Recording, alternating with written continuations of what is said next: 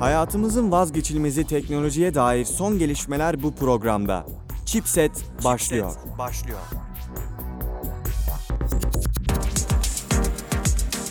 Merhaba sevgili dinleyiciler ben Fatih Canbekli. Haftalık teknoloji programı Chipset e, kaldığı yerden devam ediyor yepyeni bir bölümde. Hoş geldin Melisa. Hoş bulduk Fatih'im nasılsın? İyiyim gayet. Bu haftada e, her hafta olduğu gibi yeni bir konu üzerine konuşup e, dinleyicilerimizi ve yazılım geliştirici odaklı olan dinleyici kitlemizi yeni bir konuyla buluşturmak istedik.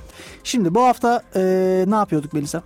Bilgisayarın şöyle kısa bir tarihini biraz bahsedelim nasıl gelişmelerden geçmiş biraz onlardan bahsedelim Kesinlikle bu hafta bilgisayarın tarihi konusunda yepyeni bir e, sayfa açıyoruz. Aynen. Yapmıyoruz öyle bir şey. Tarih konusunda bahsedeceğiz Bize sizlere. göre nasıl olduğundan bahsedeceğiz bugün. Evet, evet. Bize göre değil tabii ki tarihi sonuçta değiştirmiş hal- halimiz yok. Katılıyorum. Bu hafta neler yaptık onlara bakacağız. Bilgisayar tarihinde neler oldu? Orada Nasıl bir aslında şey var? ufak bir Tabii. tweet'e gönderme yapmıştım. Bana göre dünya böyle diyor. Sana göre dünya öyle dünyanın belli bir yaşı var. Bana göre dünya bilmem kaç bin yaşında diyor. Şimdi böyle bir cümle kuramazsın. Şimdi bir, bir şey bir diyeceğim. yaşı var Şimdi bir şey zaten. diyeceğim. Ya dünya düz diyenler falan var ya. Kuşu kuşu aşağı düşecekler. Ya şey gibi, mesela ben şu an bilgisayarın tarihini yeniden yazamam ki. Neyse onu anlatacağım gibi. Mesela aslında belli gerçekler var ve onlardan bahsedeceğim. Bana göre ilk bilgisayar şu diyemem mesela ama böyle diyen insanlar var. Ben bu dünyanın düz olduğu konusunda farklı değinmek istiyorum. Bu bu çok enteresan bir şey. Ya bu bu başka bir şey.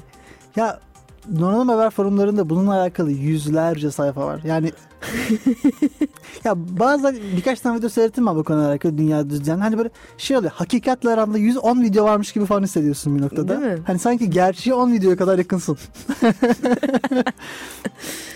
Ya benim çok garip yani o yüzlerce sayfa olması bile çok ironik bence bilmiyorum. Yani bu konuya dair nasıl yüzlerce sayfa Şey, bir olabilir? sitcom Senle geçen yıl gibi. bununla ilgili çok dalga geçmiştik. Ben Evet. öyle hatırlıyorum. Hatta şey bahsetmiş ya dünyanın bir ucundan atlayanlar aşağıda toplanıyor dünyanın aşağıda birikiyor. ya koşup koşup aşağı, aşağı düşecekler gibi hissediyorum. yani onunla ilgili geçen ke- şey yapmışlar bir tane diyor. Bir kere diyor dünya düz olsaydı diyor kediler diyor hepimizi aşağı etmişlerdi çoktan diyor ucundan diye. Doğru bir e, tespit. Ya onu bırak. Ya uçağı birazdan görüyorsun yani yuvarlak olduğunu. Ya gün Ona şey- doğumunu izlesen yeter aslında. Şey Her diyorlar. şey gün doğumu kadar basit. Hayır onu şey diyorlar. Uçak camları özel olarak açılı yapılıyormuş. ha bununla uğraşmışlar Evet. yani. Bu Bütün, bütün uçakların camları açılıyormuş. Neyse bir şey demek istemiyorum. açılı cam. Ya ona göre yansıtıyor. Bir şey diyeceğim. E, tamam ne, ne biliyorsun yani düz olduğunu, yuvarlak olduğunu? Ya o güneş doğumu ya ta- tabak gibiyse ya. Tabak Güne- gibi. Güneşe bak tabak gibidir. Aman tanrım. Beynim yandı. Öyle böyle Ee, değil. İşte işte çok da şey yapma. Dünya düz değil mi? Gerçekle aranda bir 10 video falan var. Şu an. Ya da e, yüzlerce sayfa forum. Evet. Pekala. Şimdi buyurun efendim sizden başlayalım. Bilgisayar tarihi nasıl başlamıştır? Buyurun. Şimdi her şeyden önce hani herkes bunu böyle kabul etmiyor tabii ki ama yine de bazı kaynaklarda bazı kişiler tarafınca kabul Muhtelif. edildiği için ilk en basit işlem aracı olan abaküsü ilk bilgisayar olarak düşünen insanlar var, kabul eden insanlar Abaküs'ten var. evvelde e, abak evet doğru gerçekten abaküs. Abaküs. İlk Tamam. bu çok milattan önce zamanlarda vesaire abaküs. Yunanistan'da bulunan bir alet var biliyor musun? Gü- e, Ay ve zaman gösteriyor. Onu biliyorum adını hatırlamıyorum şu an ama dediğini şeyi Yeni biliyorum. bulundu. Onun içinde de ilk bilgisayar diyenler var. Mesela. Ama tabii biz burada bunlardan değil. Yok biz bunlardan değil elektronik... sadece hani hani o da bir şey böyle Tabii, kabul tabii. eden insanlar da Anladım. olduğu için hadi onu da bir söyleyeyim dedim. Hani Biz e, elektronik devre anlamındaki bilgisayar. Tabii ki elektrik devre anlamında. den vuruyoruz. yine de bazı insanlar bunu da kabul ediyorlar. Katılıyorum. Yine de gerçek anlamda bizim bahsettiğimiz anlamda bilgisayar mantığıyla çalışan ilk cihaz 1945'te Amerika'da icat edilen bir şey. Bu Alan Turing'le bağlantısı nedir bunun acaba? Onu da belirtirsek iyi olur. Alan Turing biliyorsunuz bilgisayarın e, matematik, bilgisayarın matematiksel altyapısını kuran adam. Yani e, farklı e, hesaplama metotları var. İşte bunların en basiti mesela e, PDA var mesela. Push Down Automata. Aslında bilgisayar bir otomat. Yani bir devinir. Türkçesi devinir. E, ya bir state'ten diğer state'e atlayan bir matematiksel model. Turing de Alan Turing de 1940'ların başında yani Dünya Savaşı için İngilizler adına Aynen dünyadan dünya ikinci dünya savaşı için zaten Evet, evet. yapılmış bir Alman Enigma şifreleme cihazını çözmek için yapılan bir bir matematiksel model ortaya koyuyor. Bu model basitçe bir tape var. Tape'in üzerinde veriler var. Sen bir de okuyucu kafası var tape'in. Okuyucu kafası yatayda hareket ederek ya tape'ten bir şey okuyor ya üzerine bir şey yazıyor. Bu matematiksel modelle tüm e, işlemler gerçeklenebiliyor. Bunu buluyor Alan Turing. Sonrasında da buyurun efendim. O bulunan model üzerine de Sonrasında da 2. Dünya Savaşı'nda ilk başta füzelerin atış koordinatlarının hesaplanması için bir bilgisayar. İlk hani bilgisayar denen şey o amaçla üretiliyor ve hani 1945'te icat edilse de 47 gibi 46 sonları 47 gibi aslında kullanılmaya Savaşı başlanıyor. o zaman Sağlam bir şekilde. oluyor Dünya Savaşı. Yok ya onun sonlara falan denk 43'te geliyor. bitiyor. Yani tam net anlamda geliştirilip iyice yaygınlaşması. Evet, Çünkü evet. savaştan sonra bilimsel amaçla da kullanılmaya devam ediyor. Savaştan çıktıktan sonraki kullanımı 47 sonlarında öyle devam ediyor. Bilimsel amaçla da kullanmaya devam ediyorlar bu bilgisayarı. Ama üstünde bir takım oynamalar yapıyorlar. Ufak geliştirmeler yapıyorlar. Hani biz tam bunu, bunu savaş için yaptık ama füze koordinatları hesaplamak için neden biraz daha geliştirip bilimsel amaçlarla da kullanmayalım diye düşünerek üstüne birkaç ekleme yapıp sonrasında e, 55 yılına kadar falan kullanılmaya devam ediyor bir şekilde. Ondan sonrasında tabii daha az enerji harcayan, daha gelişmiş cihazlar çıktığı için hani artık müzeye kaldırılıyor zaten. Bu arada e, bu bilgisayar deyince ufak şeyler düşünmeyelim lütfen. Tam şu an hepimiz küçük bilgisayarlar kullanıyoruz. Ne yani taş atlasın eni 30 santim 40 santim şeyler kullanıyoruz ama e, o zaman o zamanlar böyle bir şey mümkün değildi. Burada 27 ton ağırlığında ve 167 metrekare alan kaplayan bir şeyden bahsediyoruz. Hani küçük bir şeyden bahsetmiyoruz. Bir odadan, bir odadan büyük galiba değil bir mi? ev büyüklüğünde 167 metrekare. Bayağı büyük. Bayağı büyük bir şey ve 27 ton. Dile kolay yani. Bugün anladığımız manada bir bilgisayar değil. Yani bir Değil, mikro işlemci değil. içermiyor değil mi? Ee, ENIAC olarak da geçiyor galiba tam kısaltılmış evet. hani. bir mikro işlemci barındırmıyor içerisinde. Yok barındırmıyor. Hatta Türkçe açılımda elektronik sayısal entegreli hesaplayıcı. Hayır, hatta bir yani basit evet garip bir şey. Aslında yani kocaman bir hesap makinesi gibi aslında. doğru. Doğru. çok büyük, çok maliyetli bir hesap makinesi gibi düşün. O zamanın parasıyla 500 bin dolar maliyeti. Çok hatta, yüksek bir para. Hatta şu anki değerli 6 milyon dolara tekabül ediyor hani. Çok iyi para. Çok yani Çok çok, iyi iyi, para. para. Yani bayağı yüksek. Hani tek şey özellikleri yani o zaman göre özellikleri işte eşitlikleri karşılaştırabilme, dört işlem, karekök hesaplaması. Bu. Bunları yapıyor. Cidden bir hesap makinesi aslında kocaman. Evet. Hepimiz Ha. evinde bulunan şu anda. Hani ne özelliği var? Saniyede 385 çarpma işlemi veya 38 bölme işlemi yapabiliyor. Ama şimdi şunu Hani- düşün o zamanın o imkanları zaman doğrultusunda canım, inanılmaz bir O olay. zaman mükemmel bir olay. Hani insanlar tabii ki hani basın parayı ve bunu yapalım, üretelim. Yani bunu kafasında daha çok. Mesela birinci mesela Ay'a yolculuk biliyorsun. Ee, NASA'nın Ay'a gidiş serüveninde bilgisayarlar henüz olmadığı için bu yüzden de kadınlar malum biliyorsun değil mi bu konuyu? Duymuştum buna Computer deniyor. şeyler. Aslında computer bir kadın mesleği. Kadınların yaptığı bir iş. Yani bir grup kadın var. Onlar sabah kalkıyor işe gider gibi ev e, NASA'ya gidiyorlar. Bina var computer binası. Oraya giriyorlar. Odalarına oturuyorlar. Önüne kağıtlar geliyor. O kağıtlardan grafikler çiziyorlar. Matematik hesaplamalar yapıyorlar. Toplama Çok çıkarma. sıkıntılı çarpma. iş, çok. Ve ya bu kadınların yaptığı bir şey. Erkekler bunu yapmıyorlar. Çok enteresan gelmişti bana bu olay. Garip bir olay ama gerçekten. Neden The acaba? Hidden Figure isimli bir film var. O filmde bununla alakalı detaylı bilgi alabilirsiniz. O zaman filme bir ara bakmak lazım. Güzel. Merak ettim çünkü yani. Bilmiyorum yani kadınlar olduğunu. Hep kadın Neden ama. kadın acaba hep? Ha, bu bir kadın mesleği olarak görülüyormuş. Hı hı. Niyeyse. Ha, bu arada hafızasında da 200 sayı saklayabiliyor.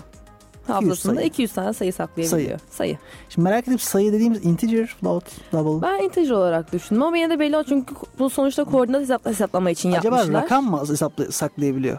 200 rakam. 200 rakamdan oluşan her sayıyı saklayabiliyor Bence ben öyle düşündüm. 200 Ben de öyle rakamdan oluşan her sayıyı saklayabiliyor olarak düşündüm. Mantıklı. Mantıklı. mantıklı ama çünkü koordinat hesabı yaptırıyorlar sonuçta bir mu? noktada. Okey, doğru. Hani koordinat hesabı yaptıkları için ben o şekilde düşündüm. O hesabı aslında el ele de yaparsın. Belki Demek daha net zor. sonuçlara ulaşmak istediler ya da çok fazla işlem yapmak istediler. Bir de şimdi top diyorsun ya top. Hani Son sonuçta füze atış yerlerini belirliyorsun bir noktada. Ha, Yani. evet o da zor işte. Onu Hani- elle yapmak çok. Gerçi bilgisayarına da güvenebilirsin ki şimdi. Yeni o da yeni hani yeni teknolojiye ne kadar güven 3 hafta evvel kurmuşlar. Abi bütün o Patriot'ların hepsini buraya göndereceğiz ve koordinat şu. Yani ben güvenmezdim herhalde. çok yeni çünkü. Bu arada hala Amerikan Ulusal Müzesi'nde sergilenmeye devam ediyor Evet, bu evet, bilgisayar. Gidip görmek isteyen olursa 167 metrekare yeriniz 167 varsa metrekareyi sizin bilmiyorum yani. 167 metrekareyi buna verir miydim bilmiyorum ama aslında bir noktada saklanması gereken bir şey. Düşünsene ilk bilgisayar E kullanılmış. tabii canım ya saklarsın. Ben, ya, Evet. hepsini saklamaya gerek yoktur belki ama en azından bir bölümü. Hatta ya bununla ilgili gördüğüm en galiba sade ı, eğlenceli yorum hani sadece sayısal hesaplamalar yapabilen büyük hacimli bir hesap makinesi. Teknik olarak bakacak olursak Ya daha teknik olarak bakarsak toplama çıkan yapabilen bir oda. ev hatta. Hani bir ev. o da demezsek sevinirim yani. Ev çünkü. Alınıyor değil mi? Toplama çıkan yapabilen bir Biraz evden bahsediyoruz. yani burada Neyse. o da ya. Buyurun hocam devam edelim.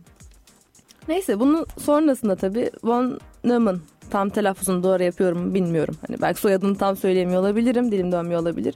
Teorik çalışmaları sonucunda ilk programlanabilir elektronik bilgisayar kuşağı ve en önemlisi hani RAM kullanılabilen bilgisayarlar yapılmaya Evet bu başlanmış noktada istersen ufak bir şey yapalım. Ufak bir Tabii. e, şey koyalım. Bir bilgisayarın iki temel bilgisayarın değil de evet bilgisayarın iki temel e, komponentinden bahsedelim. Şimdi Hı hı. bir bilgisayar basitçe bir prosesör ve bir bellekten oluşuyor. Hı. En basit bilgisayar dediğimiz şey en basit primitif hali bir be- bir işlemci, mikroprosesör yani bir mikro işlemci. Mikro olmak zorunda değil işlemci. Ve yanına bir de bellekten oluşuyor. Hı hı. Bellek içerisinde veri tutabilen, bu veri her şey olabilir. Karakter olabilir, sayı olabilir, rakam Hı hı. olabilir, tek başına ya da herhangi bir şey olabilir. Tutabilen slotlar. Bunların boyutu değişiyor. Bunlara geleceğiz. 8 bit, 16 bit, 32 bit, 63, 128 bit şeklinde değişiyor. Hı hı. Tutabilen slotları var. Veri slotları var. İşlemci de işlemci genelde şunu yapar. Gider belleğe, bellekten bir şey alır. Bellekten aldığı şey üzerine bir şeyler yapar ve belleğe geri koyar. Çok basit olarak bilgisayarın yaptığı şey her zaman budur arkadaşlar. Belleğe gitmek, bellekte bir şeyler yapmak, sonra onları geri koymak belleğe. Bu. Aynen. Bu da o modelin kurucusu değil mi? Tabii 1947. 47'lerde başlıyor. Bu zamanlarda ortaya çıkmaya başlıyor. Anladım. Ve bu bunu bu ortaya çıkartan adam da bu. Bu arada Turing abimiz hala hayatta. Maşallah. Kendisi 50'lerde biliyorsunuz e, eşcinsel olduğu için e, ya sanırım ya idamdı ya da e, biyolojik adıma maruz kalıyor. O biyolojik adımı tercih ediyor. Bir süre sonra da intihar ediyor. Dayanamıyor bu hayata. E, üzücü. Çok doğal değil mi? Yani Üzücü. çok tatsız bir olay ama, Ama sonra Amerika ne yaptı? Amerika onu onurlandırmak için doların üzerine bastı ve e, ona bütün şereflerini iade ettiler. ama insanları hep öldükten sonra şereflendirmemiz Ya şu şunu da anlıyorum. Dönemin ruhu diye bir şey var ya. Şimdi o dönemin ruhu da öyle. Ya buna yapacak bir şey yok. Çok Bilmiyorum. yanlış. Ee, Ama- Şey durumu benim çok canımı sıkan bir durum. O yüzden hani çok olumlu yaklaşamıyorum bu konuya. Bazı insanların öldükten sonra yüceltilmesi olayını ben sevmiyorum. Ya ben de sevmiyorum da e, yani yapacak bir şey yok. Ya öyle bir karar. O dönem farkına varamamışlar zaten Alan Turing'in ya bu kadar şey adam olduğunu. Enteresan bir adam olduğunu. Şimdi olsa adamı herhalde yerlere göklere sığdıramazlar. Hani insanoğlu olarak bu e, çok sık yaptığımız bir şey. Her Çok. konuda her şeyin değerini e, çok daha sonra aa bu böyle değerli bir şeymiş. Zaten- bu böyle iyi bir şeymiş. Kaybedince anlıyorsun genelde bir şeyin değerini. Yani bir şeyleri böyle yerip yerip kötüleyip mahvettikten sonra hatta en genelde. azından e, İngiltere hükümetinin de böyle bir karar alıp Alan Turing'e tüm şereflerini iade etmesi ve kendisini onurlandırması. Keşke onun da bundan haberi olsaydı. Kraliyet ödülü vermeleri. evet bilseydi iyiydi ama bilemedi. Geçmiş olsun. Yani Üzücü. e, ilginç insanoğlu ilginç. İlginç. Neyse buyurun efendim devam edelim. İlginç sinirimi bozuyorlar. Neyse. Bozuyorlar. Ee, dediğim gibi bunun işlem özellikleri çok daha büyük ve Güçlü. az güçlü, büyük yanlış oldu. Güçlü ve dediğiniz en önemli özelliği RAM kullanılmaya başlanması artık bu dönemlerde. Riskli bilgisayarı daha çok benziyor artık. Tabii. O dönemde ilk ticari uygunluğa sahip bilgisayarlar Edvec ve Univec. İkisini de aynı kişi çıkartıyor bu arada hani. Ee, ilk başta Edvec'i çıkartıyor. Bu Von dediğimiz e, abimiz Güzel kardeşiniz. tabii. O da hatta ne tam Türkçe açılımı şeydi. Elektronik soyut değişken otomatik bilgisayarı. Edvec olarak hani. Amaç dedim olabildiğince bunu e, büyütelim ismini şeklinde. Video sistemli bilmem ne bilmem ne elektronik devre otomatı gibi. Hani bunun en önemli özellikleri Enac'ten o 167 metrekare bahsettiğimiz e, o da değil ev büyüklüğündeki arkadaşımızdan 10 kat daha küçük ve 100 kat daha hızlı çalışması. 10 kat küçük dedin de hala bir oda. Hala- 16.7 hala metrekare olduğu hani, için. hala düşün 80 küsür metrekare bence hala bir, bir artı bir bir ev boyutunda. Bence- Remi olan bir ev. Remli ev yapmışlar o zamanlar. Düşün adamlar büyük düşünüyor. Tabii ki.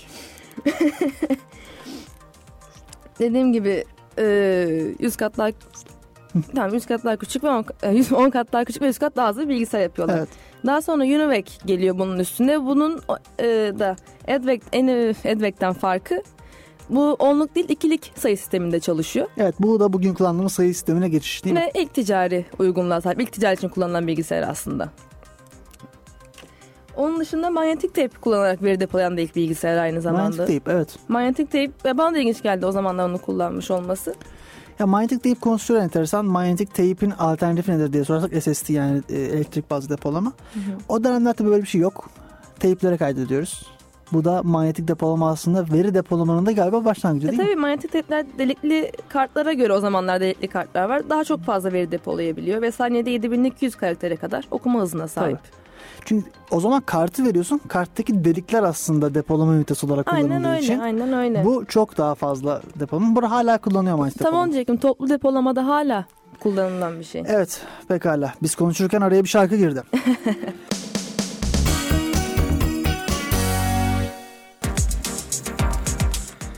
Evet sevgili dinleyiciler kaldığımız yerden devam ediyoruz. Bilgisayarların tarihi konusunda konuşmaya ve e, bu konuda sizlere bilgi vermeye. Buyurun. Tekrardan merhaba Fatih'ciğim. Şimdi e, çok bir şey kalmadı aslında öyle bu kısımlarda. Yavaş yavaş daha ilerliyoruz. Küçülüyor falan boyut böyle. O da boyutuna. O da sonra masa boyutuna falan değil değil mi? Değil mi? 1950'lerden sonra vakum tüpleri kullanılmış o zamanlar. Depolama için. 1950-60 arası vakum tüpleri daha çok kullanılmış. Univac ve IBM 700 serisinde özellikle bu kullanılmış. Bu arada IBM konusunda bir parantez açmak Tabii istiyorum. ki. IBM Industrial Business Machine 1910'larda kurulmuş bir şirket. Hesap makinesi yapıyor, daktilo yapıyor, her şeyi yapıyor. En sonunda bilgisayar teknolojisini bugünlere getiren şirket haline geliyor. Çok büyük bir şirket. Çok güçlü bir şirket.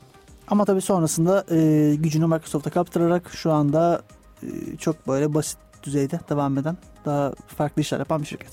Dikkatık saygı duruş. Ama evet IBM saygı duruşunu hak eden IBM PC denilen ev bilgisayarlarını ilk defa bizim evimize gerçek anlamda sokan Tabii canım 18 1981 yılında ilk evet, ev bilgisayarları çıkan. İlk, o değil aslında da. Ya ev şey kişisel bilgisayar Evet. ilk böyle tutan Evet satış evet anlamında. ilk satan kişisel bilgisayarlar. 4 yılda 1 milyona yakın satıyorlar. Satıyor. Sonra hatta Apple- 4 yıl sonunda tam 1 milyon satışlarını yapıyorlar hatta.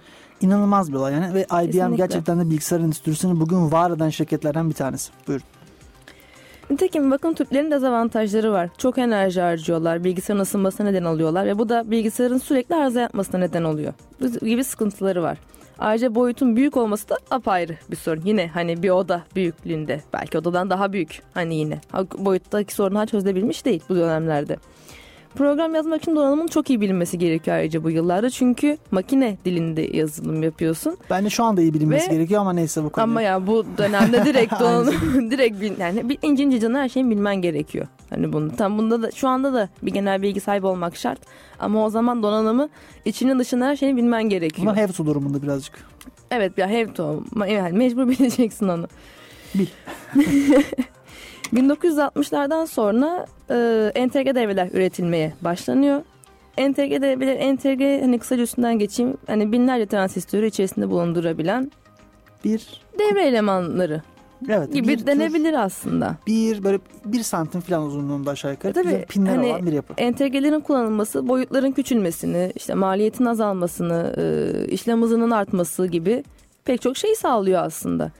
Bir de ayrıca bu yıllarda manyetik diskler üretildiği için manyetik disklerle beraber kullanıldığında merkezi işlem birimleri üretilmeye başlanıyor aynı zamanda. Çok daha güçlü tabii ki. Çok daha güçlü oluyor. Hatta IBM e, 360'tı galiba. 360 yani 360 entegre devre elemanlarını kullanan ilk bilgisayarlardan. Evet.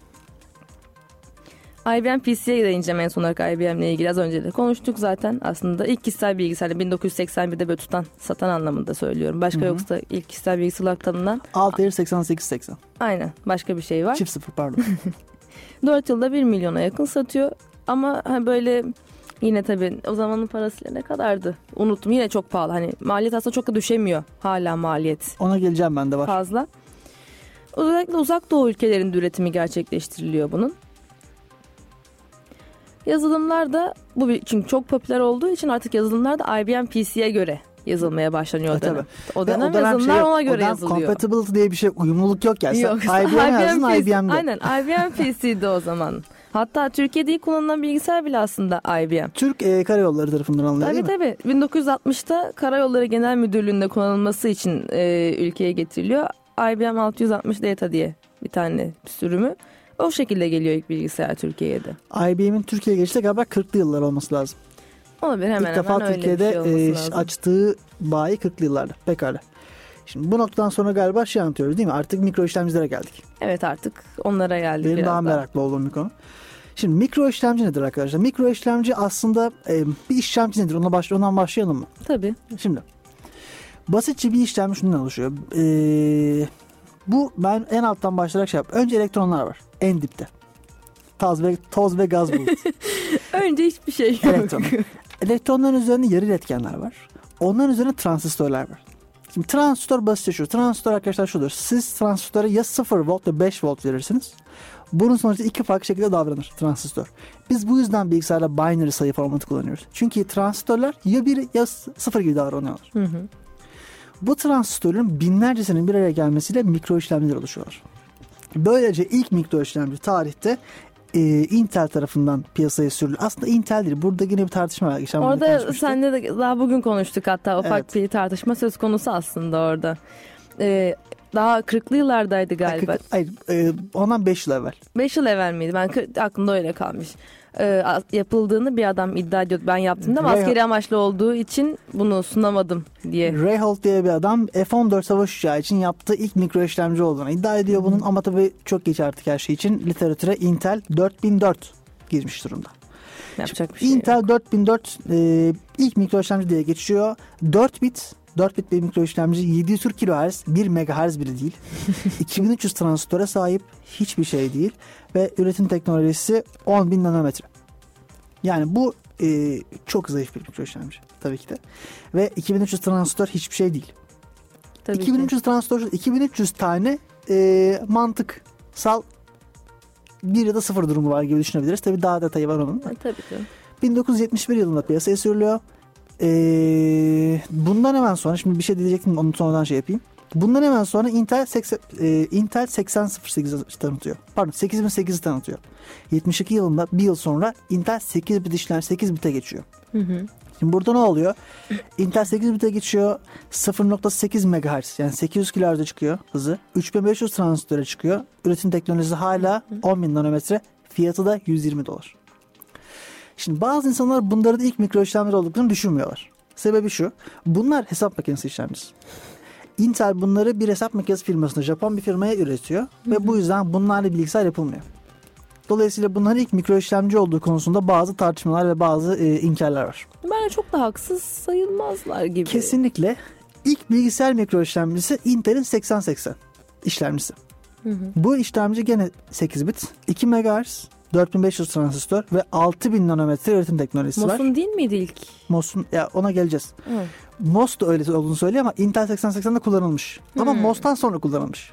Aa, Yani- o, bir ufak değişikliklerle aslında. 8080 çıktığı zaman ilk defa bilgisayarda kullanılmıyor. Hesap Anladım, makinesi de anladım. kullanılıyor. Sonrasında 6502'den. Neyse bunun ilk kullanıldığı bilgisayarda bazı insanlar tarafından ilk ev bilgisayarı kabul edilen Altair 8000.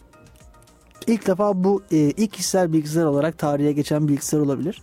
Belki öyle değildir emin değilim ama öyle söyleniyor. Bu bir da bir inanç yani e, nasıl denir? Ha, burada bazı parametrelerde hemfikir değil insanlar. Yani mesela belki de Altair tam bilgisayar gibi değil. Ya tabii Görmen mesela, lazım ne olduğunu. Hani şeyi de gördüm. Bir tane programa 101 diye bir şey var mesela. Evet. O da ilk kişisel bilgisayar olarak geçer. Onu da öyle kabul edenler var. İlk kişisel bilgisayar budur diye. Burası Hatta kabul sonra meselesi. E, NASA'ya e, gönderildiği zaman mekik içine bir sürü programa 101 konmuş mesela o zaman. Bu bilgisayar tam biz buna da kullanabiliriz deyip mesela ondan koymuşlar bir sürü.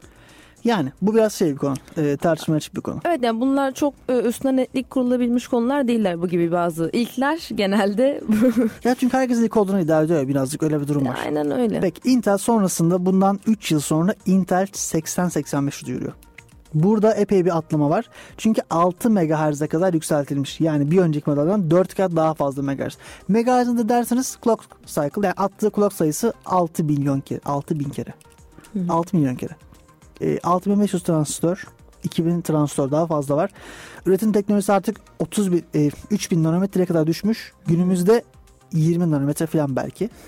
Çok az.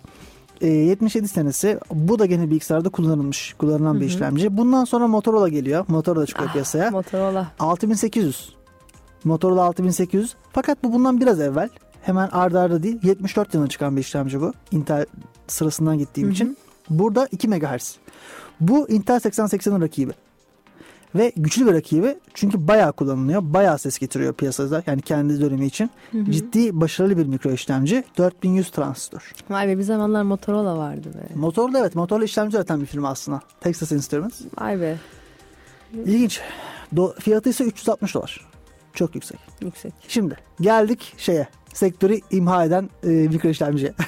Hazır mıyız? Şimdi bundan önceki Intel'in mikro işlemcisi 120 dolar. Tamam mı? Hı hı. Motorola'nınki 360 dolar. MOS Technologies e, 1975 senesinde MOS Teknoloji 6502'yi duyuruyor 25 dolara. Of Sektörün üzerine inanın bomba gibi düşmüş bu düşmez işlemci. mi ya? Çünkü muadilleriyle aynı hızda tam olarak 2 MHz 3510 transistör daha az transistör ama çok ucuz tabii ki de Hı hı. ve yani dönemin bütün bilgisayarlarına girmiş. Apple 1, Apple 2, Commodore PET, Commodore VIC-20, Nintendo Entertainment Systems, BBC Micro, Atari 8600, Atari 2600 Her inanılmaz bir şeyde. işlemci. Her şeyde. Her tarafta. Çünkü çok ucuz. Yani 25 dolar. Ve bu mikro işlemci bu e, bilgisayar hobisiyle uğraşan insanların şey olmuş, kutsal kasesi olmuş bir noktada. Çünkü Olmaz mı canım? 25 herkes için dolar. tüketim ürünü çok ucuz. Ben şey düşündüm. Acaba dedim paralelize ediyorlar mıydı? İki tane 6502 koyabiliyor muydun? Yok. Yani böyle bir şey kimsenin şeyine gelmiş. Aklına gelmiş de belki de Belki denenmiştir ama olmamıştır. uygulayamamışlar yani böyle bir şey. Ya muhtemelen kesin birinin aklına gelmiştir ama olmadığı için bir sonuca varılmadığından muhtemelen. Paralel mimariler çok sonra gelenmiş. Onu ben baktım birazcık da. Ee, Hı hı. Bu çok enteresan bir konu. Niye daha önce yapmadıklarını bilmiyorum. Teknik bir herhalde e, kısıt var. Ama Olabilir. Teknik bir kısıt da olabilir. e, 6502 inanılmaz bir işlemci. Hı hı. 6502 assembly language kullanıyor. İçinde 3 tane register var. X, Y and A registerları. Bir ALU var. Ee, 8 bit bir işlemci. Hı hı. Adres bası 20 bit sanırım. Ee, data bası 8 bit. Çok Hı hı. enteresan. Yani inanılmaz bir işlemci. Her tarafta kullanılmış. Çok başarılı. Geçiyorum. Hı hı. Tabii buradan sonra e, şimdi mikro işlemcilerden devam ediyoruz da öyle yapalım sonra geri gelelim. Değil mi? Daha sonra Zilog Z80 var. Şimdi Zilog Z80 Intel'den ayrılan bir e, mühendisin kurduğu bir şirket ve aynı şekilde dönemin Amstrad CPC serisi, MX, M- MSX serisi, TRS-80, Sinclair Spectrum serisi ve Nintendo Game Boy'da kullanılan işlemci. Wow. Şimdi Game Boy'da kullanılabilir olması çok enteresan çünkü 4 MHz olduğu için kullanılabiliyor.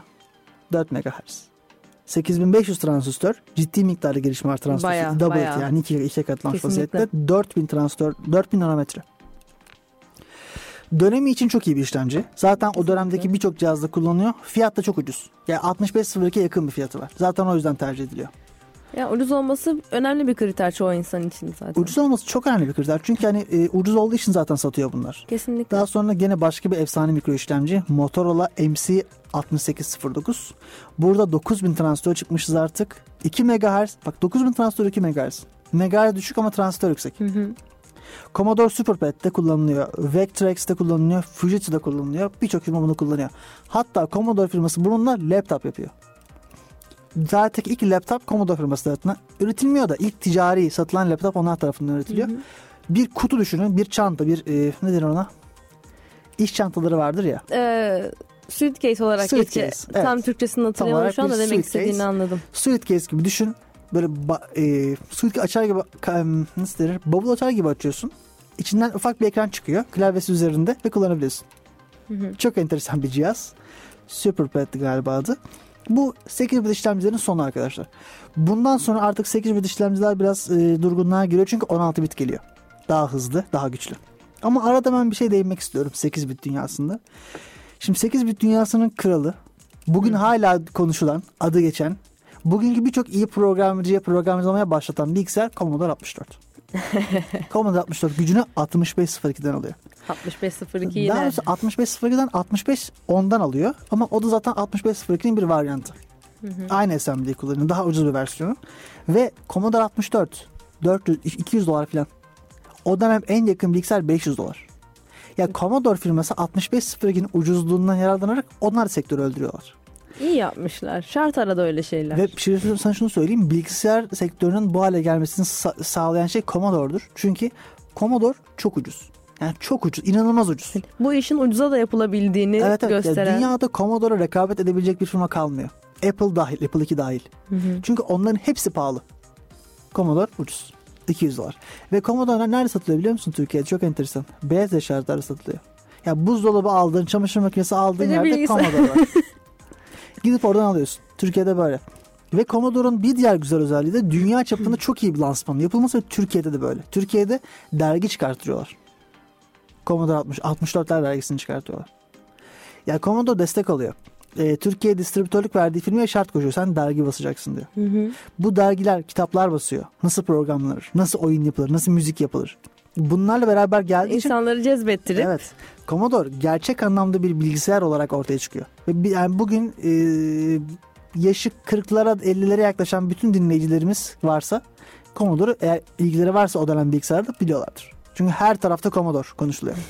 Öyle. Çok özel bir bilgisayar. Sesi var bir kere. Ses var.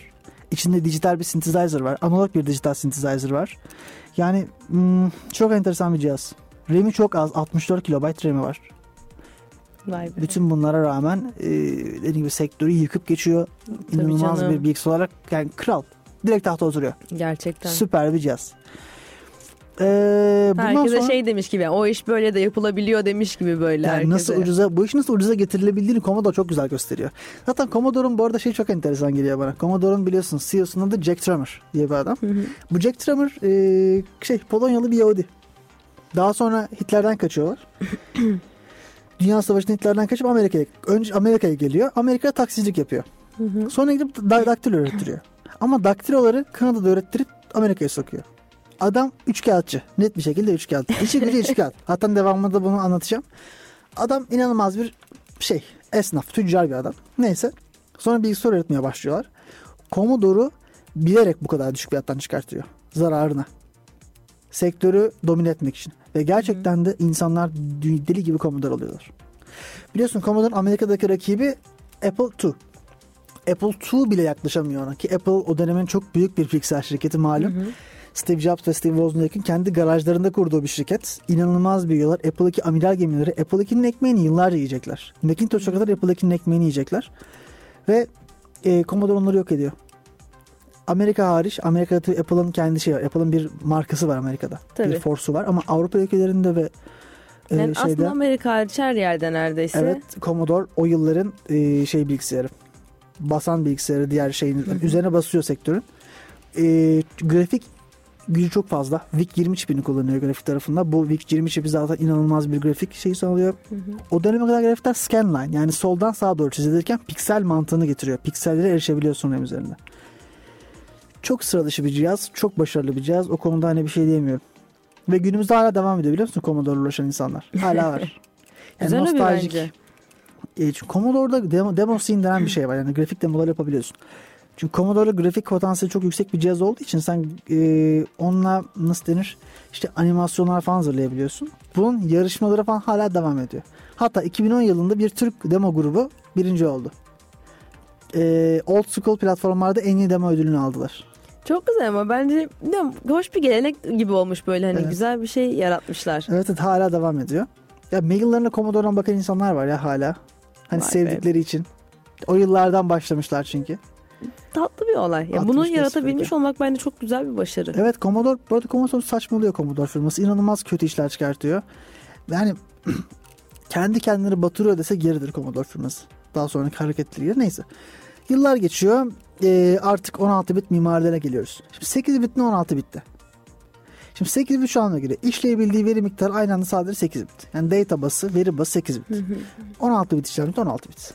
Yani basitçe bu kadar. 16 tane bir de 0 var yani. Neyse. İlk defa 1975 senesinde 16 bit işlemciyi görüyoruz. Aslında çok da yeni.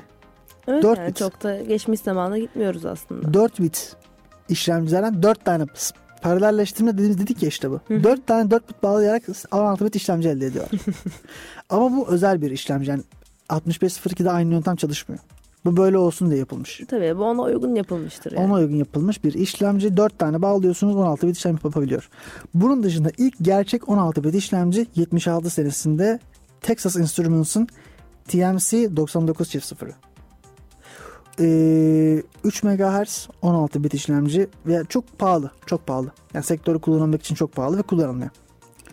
İlk gerçekten kullanılan mikro işlemci bende şu an yok önümde ama e, 16 bit arası çok popüler. Intel 8086. 6 olması 16 bit olduğu için. 29 bin transistör. Bayağı bir zıplama var. Yani 4 kata kadar hatta belki de 5 kat zıplama var. Çok Gerçekten ciddi. bayağı bir 10 zıplama var. MHz, 5 ile 10 MHz arası. Overclock'ta 10 MHz. 3000 Hı hı. nanometre ufacık yani çok minik aslında. Hı hı. Bu Intel'in patladığı işlemci. Bundan sonra önüne alamıyor kimse.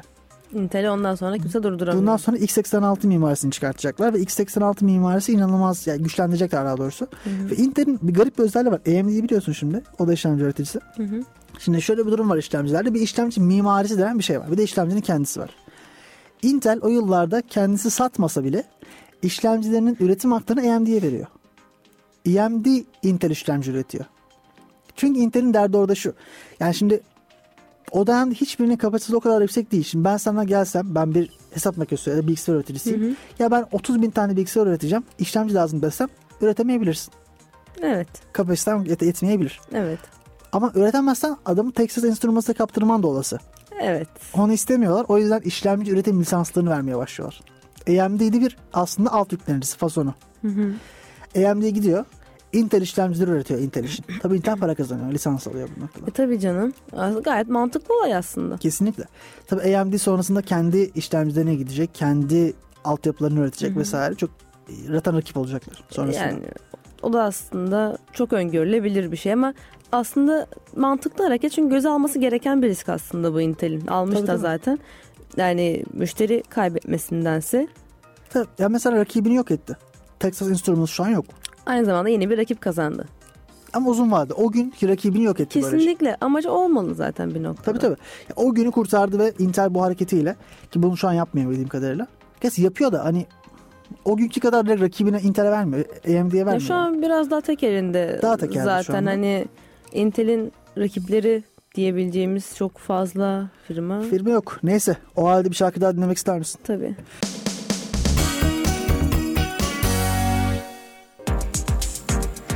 Evet sevgili dinleyiciler kaldığımız yerden devam ediyoruz programımıza. Son bölümdeyiz. Evet artık şöyle ufak bir donanım bilmenin önemini. Yani mikro işlemciler Üzerine. konuştuk. Bilgisayarın tarihi üzerine konuştuk. Mikro işlemcilerde bayağı derine gittik. Hangi işlemciler olduğunu gördük. Transistör sayılarını gördük. Güzel bir bilgilendirme gördük. günü oldu aslında genel olarak. Evet. Bundan sonra e, konuşacağımız konu daha güncel. Biraz daha belki e, mühendisleri ilgilendirecek açıdan önemli. Hı hı. Şimdi donanım biliminin önemi sence nedir Melisa? Senin bu konuda fikirlerini merak ediyorum şahsen. Ya benim bu konuda şahsi görüşüm. Sonuçta biz e, bilgisayar dediğimiz bu cihazın üzerinde bir takım yazılımlar yazıyoruz. Bir takım şeyler yapıyoruz. Ve bunun arka planda nasıl çalıştığını, bizim o yazdığımız kodun arka planda ne gibi işlemlerden geçtiğini, nasıl bir etkisi olduğunu, nasıl çalıştığını, donanımın hangi parçasında bu işlemlerin görüldü. Ben, ben bu kodu yazıyorum ama ben bu kodu nerede yazıyorum? Bu kod nerede işleniyor? Bu kod nereye gidiyor? Ya bilmiyorum benim gözümde bir şeyin arka planını bilmek, nasıl işlediğini bilmek, nasıl çalıştığını bilmek benim o şeyi anlamama daha çok yardımcı oluyor. Ve o konuda daha rahat çalışmamı sağlıyor aynı zamanda. Bilmiyorum beni daha rahat hissettiren bir durum Ya açıkçası. bu biraz matematik bilgi. Yani şöyle düşünün. Bilgisayar bilimlerinde bazı problemlerle karşılaşıyoruz. Ve bu problemleri hiç matematik bilmeden, hiç donanım bilmeden çöz- çözebilirsiniz. Yani şunu görüyoruz işte. Ben 30 senedir bu sektörde hiç matematik ihtiyacım olmadı. Hiç donanıma ihtiyacım olmadı. Olmaz. Sen o problemlere gitmezsen ihtiyacın E olmaz. Tabii orası da bir gerçek. Ya sen e, 30 senedir aynı CRUD uygulamasını yapıyorsan, veri tabanında bir şey aldım, veri tabanında bir şey yazıyorum. Bunu yap, yapıp duruyorsan zaten senin buna ihtiyacın olmayacaktır. Ama daha farklı problemlere gittiğin zaman hem matematik bilgisi, zaten eksi birbirini destekleyen bilgiler, Hı hı. hem donanım bilgisine ihtiyacın olacak. Bir mühendisin zaten donanım bilmemesi söz konusu olmamalı. Ya hiç bilgisayar değilse mühendisi için. yüzeysel de olsa bir bilgisi olması Yani lazım. bilgisayar nasıl çalıştığı, register nedir, yazma, işte yani Türkçesi register nedir, işte ALU nedir, control, datapad nedir bunları bir bilmek e, gerçekten de e, uzun vadede e, çok iyi. Kesinlikle. İnsanı geliştiren bir konu. E, bazı kavramları kafasına daha iyi oturtma, oturmanı, oturtmanı sağlayacak bir olay aslında bu. Kesinlikle öyle. Mühim. E, ya tabii şu serdenişte anlıyorum ya buna nasıl vakit bulacağız? Ya buna çünkü bu vakit trade-off aslında. Bunu öğrenirken Ya. vakit harcıyorsun. İstenince buna vakit değecek. yaratılabiliyor. Buna değecektir. Yani çok çok zor değil. Ya Buna 100 saat ayırarak bir mühendis 100 saat ayırarak tamam mı? Toplamda çok iyi donanım bilebilir. Çok iyi derken kendi işini göreceği miktarda. Kesinlikle. Değil mi? Bu konudaki çoğu kavramı, çoğu konsepte oturmuş olabilir. Hı hı. Zaten sonrasında şey yapar. Ya bunun için bence oturup assembly kodu yazmak mantıklı geliyor. Ben bunu yakın zamanda yaptım ve çok faydasını gördüm. Assembly kodu yazmak bilgisayarınız çalıştığı konusunda size çok derin bir insight sağlıyor.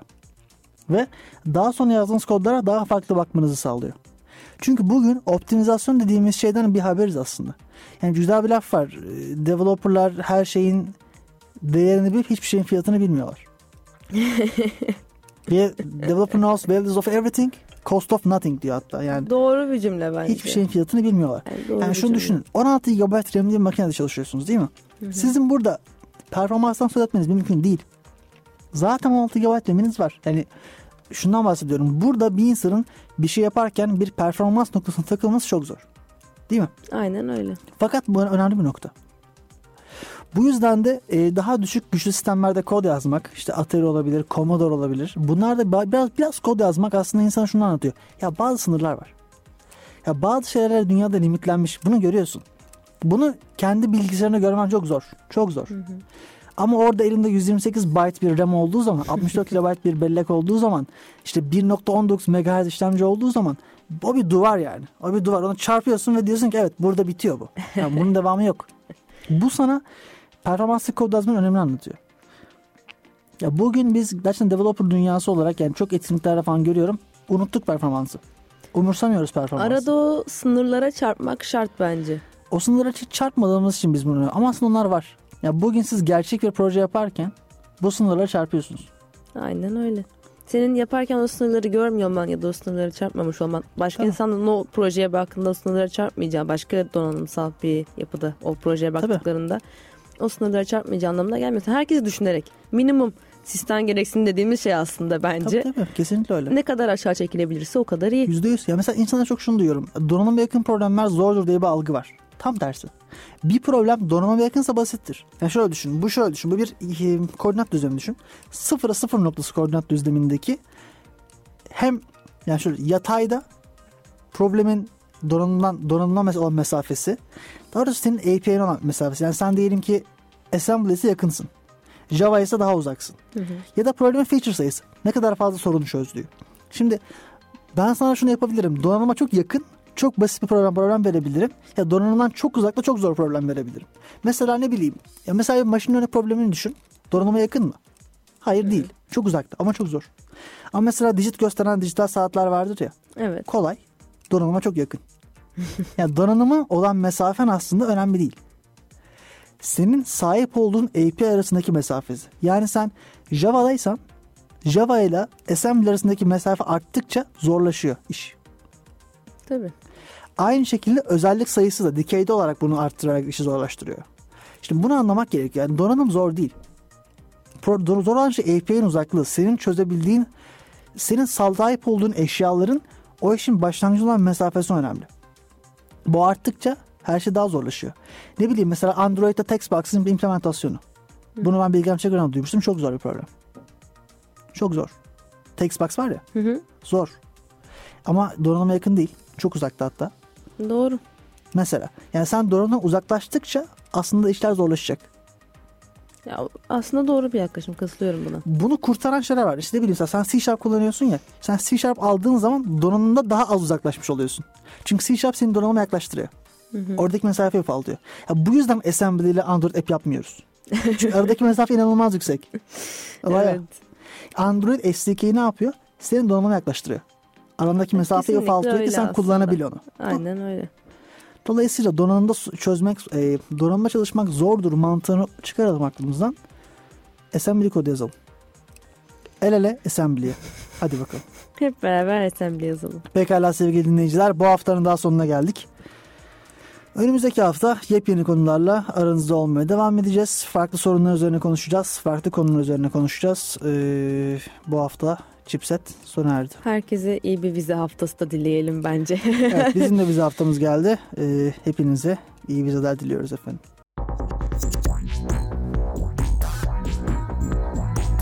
Hayatımızın vazgeçilmezi teknolojiye dair son gelişmeler bu programda. Chipset başlıyor. başlıyor.